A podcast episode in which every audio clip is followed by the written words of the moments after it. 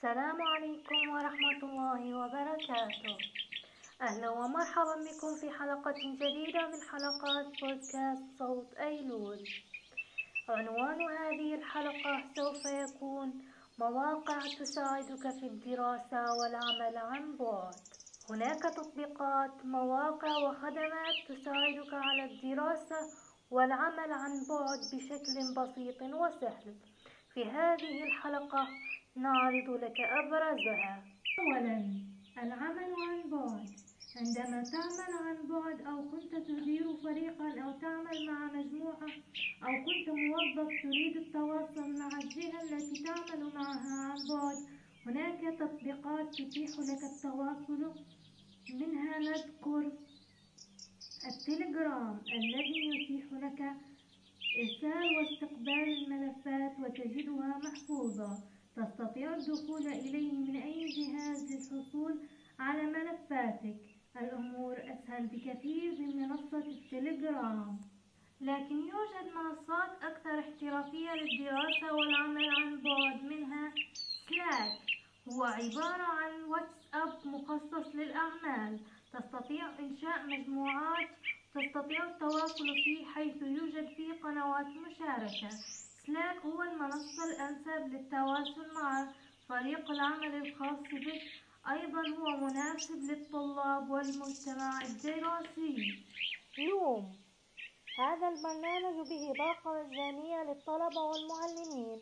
البرنامج جدا مناسب مجرد أن تقوم بعمل إضافة extension على برنامج ال Google Chrome وتتواصل فيه مع المعلمين أو المعلم يتواصل مع الطلاب. أو يقوم بتسجيل فيديو ويقوم بإرساله ليصلهم وكأنه مباشر أو بث حي.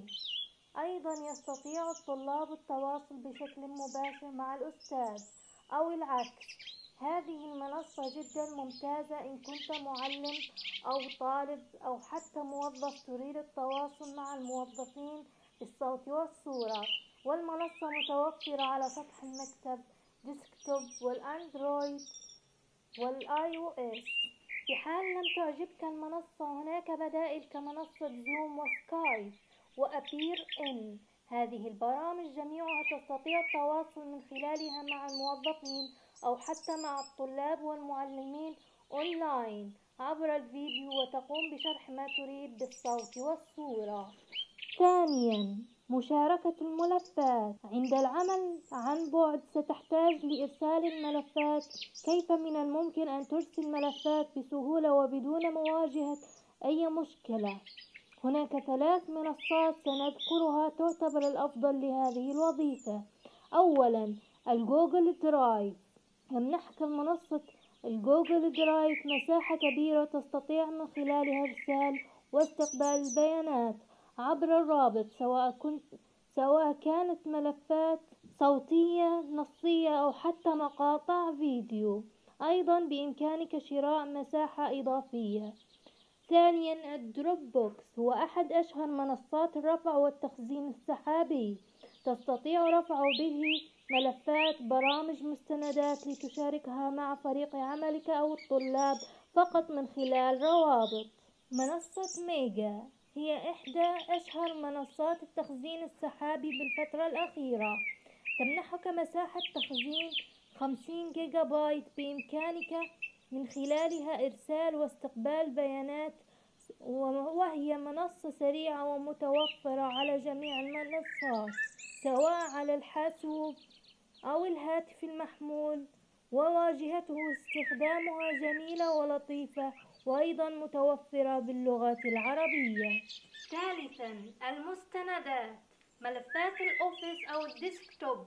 ملفات سطح المكتب. ما هي المنصات التي تساعدك في استخدامها؟ لهذه الملفات ننصحك بمنصة جوجل التي يتوفر بها Google Docs Google Sheets و Google Slide.